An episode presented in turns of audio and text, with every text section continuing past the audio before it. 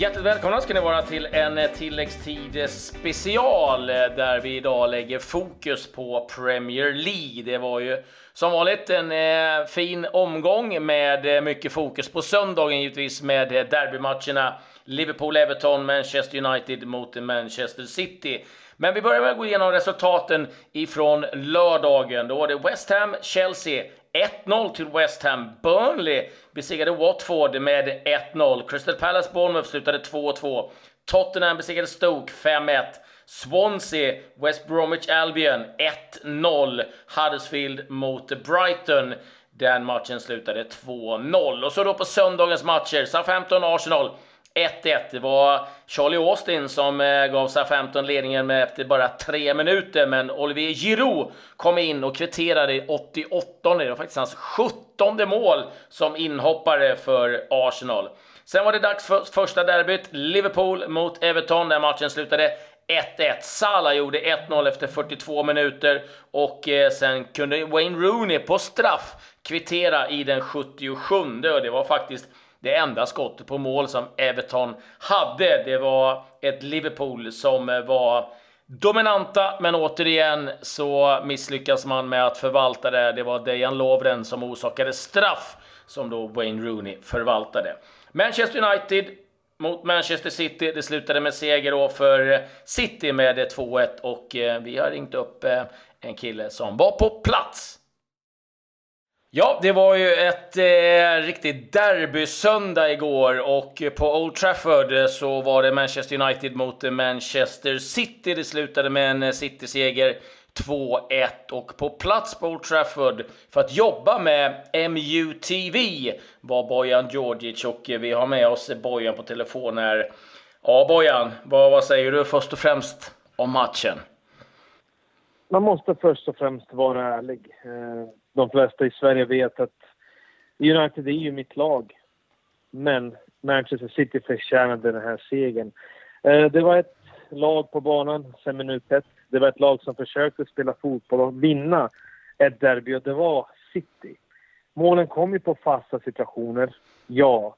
Men bra lag förtjänar ju ofta turen. Och man blir ju såklart besviken sett till att man spelade både med Martial, Rashford och Lukaku och Lingard lite fart. Men det man glömmer bort också är att Paul Pogbas kreativitet saknas på ett mittfält då mot Manchester City behöver en mittfältare som kan faktiskt hålla i bollen, skapa någonting och när man ligger lågt, när man vinner bollen, behöver du precision också i passningsspelet, Klas. Vad var reaktionen på MUTV bland er som jobbar? Jag vet inte vilka som satt med i studion förutom du. Nej, besvikelsen över derby är alltid stort. Eh, det spelar ingen roll om det var för mig AIK Djurgården eller Stjärnan Partizan Belgrad. Det är de här matcherna som spelar mest roll. Och i England för mig när jag växte upp var det att slå Liverpool, för, för City var ju lillebror. Men med pengarna har man också fått muskler, man har fått en fantastisk tränare, Pep Guardiola, som inte bara köper spelare utan utvecklar spelare och verkligen gräver upp dem och gör dem bättre. City har varit fantastiska i år. Eh, City är ett eh, mer ett kollektiv än man var förra året. Är mycket mer vaksamma i omställningsspelet när man förlorar bollen. Och en spelare vi kanske inte pratar så mycket om, men som var så underskattad för mig, det är just Fernandinho. Eh, han var fenomenal på Old Trafford och när man ser matcher live så lär man sig uppskatta saker ännu mer. Och just att han kan spela både en defensiv mittfältare, hinner med allting, är lite småfull i närkamperna, tar mycket taktiska frisparkar. Men även i andra halvleken att han kan sjunka ner som mittback och ändå göra jobbet. Man pratar ju alltid om De Bruyne, man pratar om Silva, Agüero, Jesus. Men man får inte glömma bort Fernandinhos betydelse för, det här, för detta Manchester City som har varit överlägset det bästa laget i Premier League i år. Du, 11 poäng som skiljer nu mellan City och United. Vad innebär det här för, alltså för United som klubb, för, för självbilden, för Mourinho? Man ska inte vara särskilt överraskad. Även om man har offensiva krafter och man ser United kanske spela likt Manchester City gör. Det är fortfarande José Mourinho som styr det här skeppet. Och han kommer ju aldrig ändras. Han gjorde det i Chelsea, han gjorde det även i Real Madrid med mer världsklasspelare än vad detta United-trupp har. Men det är två vägvinnande val man gör. Det finns en Pep Guardiola som utvecklar eh, som har bollinnehav, som skapar chanser, vinner titlar. Och så har du det här Mourinho som inte ser så glamoröst hela tiden, men ändå så är hans troféskåp helt fullt. Det beror på helt enkelt vad du gillar. Jag kan uppskatta bra försvarsspel, Claes, men ibland så kan man inte uppskatta hoppfulla längre bollar upp mot, mot snabba yttrar eller forwards som ska bara hantera det. Manchester United är alltid en klubb traditionellt sett som har förlitat sig på ett fint spel, speciellt på Old Trafford. Där man har redan vunnit innan man har skrivit ut på plan, speciellt under Sir Alex Ferguson. Och när jag pratade i studion också i helgen, jag sa att det påminner mig mycket om Sir, Sir Alex Fergusons era. Det var inte titlarna, utan att även när man inte vann övertygande, och nu är Citys fjärde raka 2-1-vinst, det är att man just vann de matcherna. För att man mm. trodde på det. Och det gör man när man är ett bra lag och ett lag som verkligen litar på varandra. Deras vinklar, deras speluppbyggnad och även försvarsspelet har förbättrats markant. Och Pep sa en väldigt smart grej i presskonferensen. Engelsmännen sa till mig att jag inte kunde spela fotboll i Premier League. Men det går om man kan, om man vill.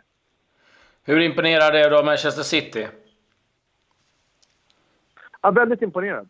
Uh, ibland kan jag bli lite småirriterad när folk säger oh, jo men de har pengar. Jo men det här även vi, eller även Manchester United. Man har spenderat på spelare, man bygger upp sin trupp, men sen utveckla det man har, göra dem bättre. Sterling till exempel, Fabian Delf. Även om han inte hade sina bästa matcher, han stod ju också för det misstaget, vet ett målet mm. och var nära också att uh, orsaka några stycken omställningar.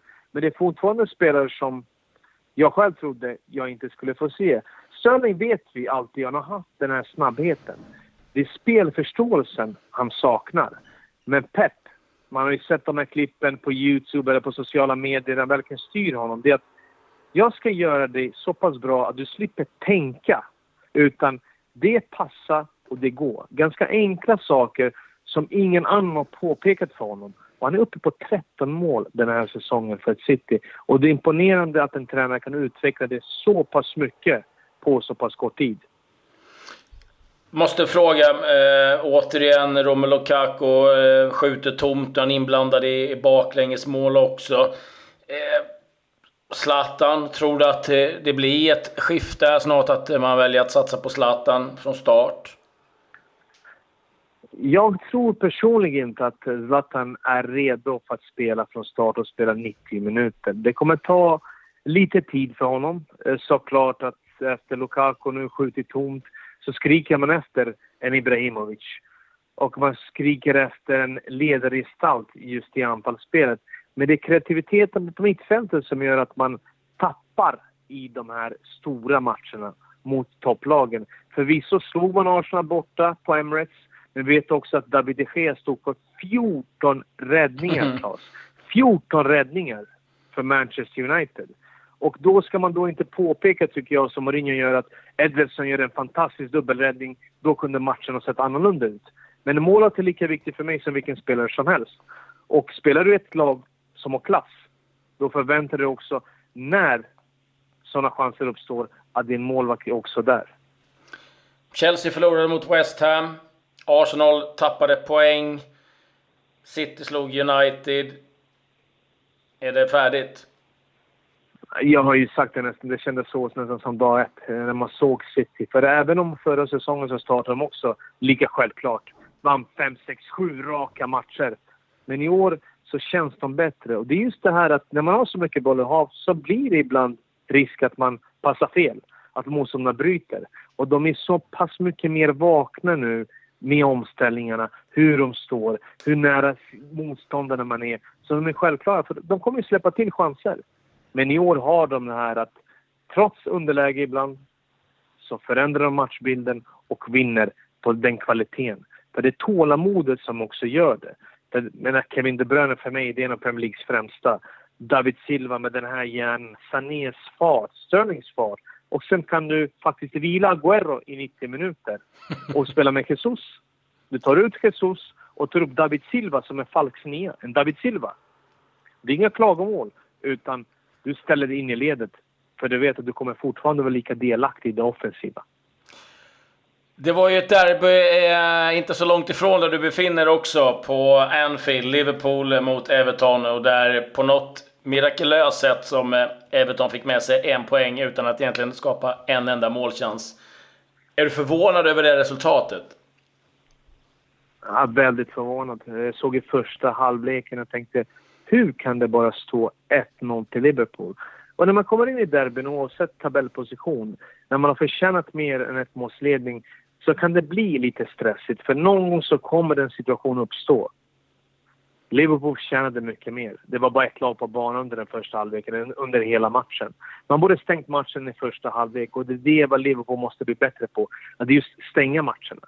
Eh, man har ju alltid på den här tiden den matchen mot Champions League mot Sevilla, även om man lyckades eh, damma av Spartak Moskva. Men en 3-0-ledning. Det ska vara bara tre poäng hem från Spanien så slipper man ens tänka på Spartak Moskva.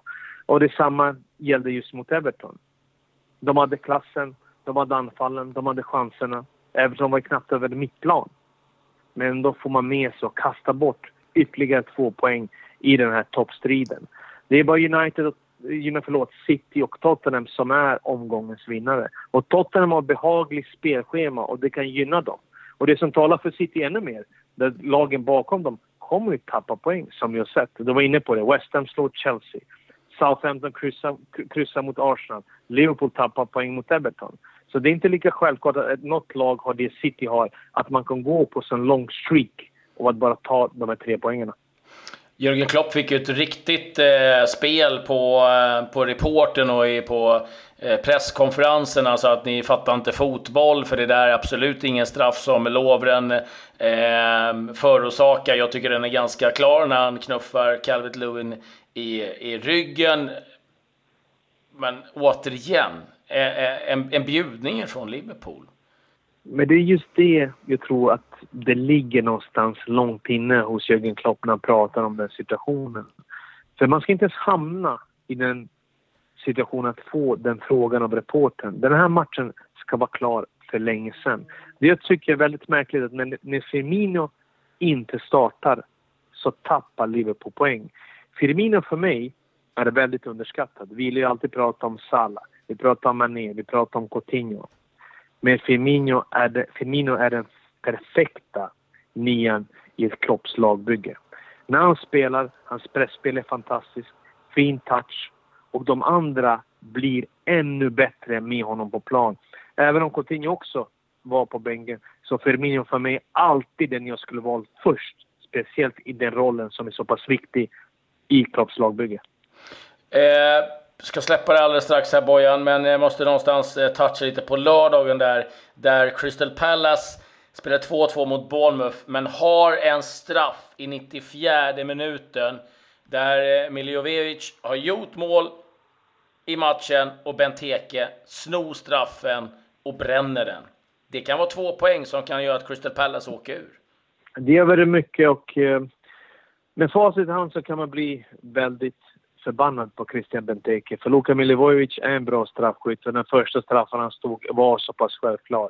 Men när man har varit borta med en skada, man har haft lite måltorka och Benteke är egentligen en pålitlig straffskytt.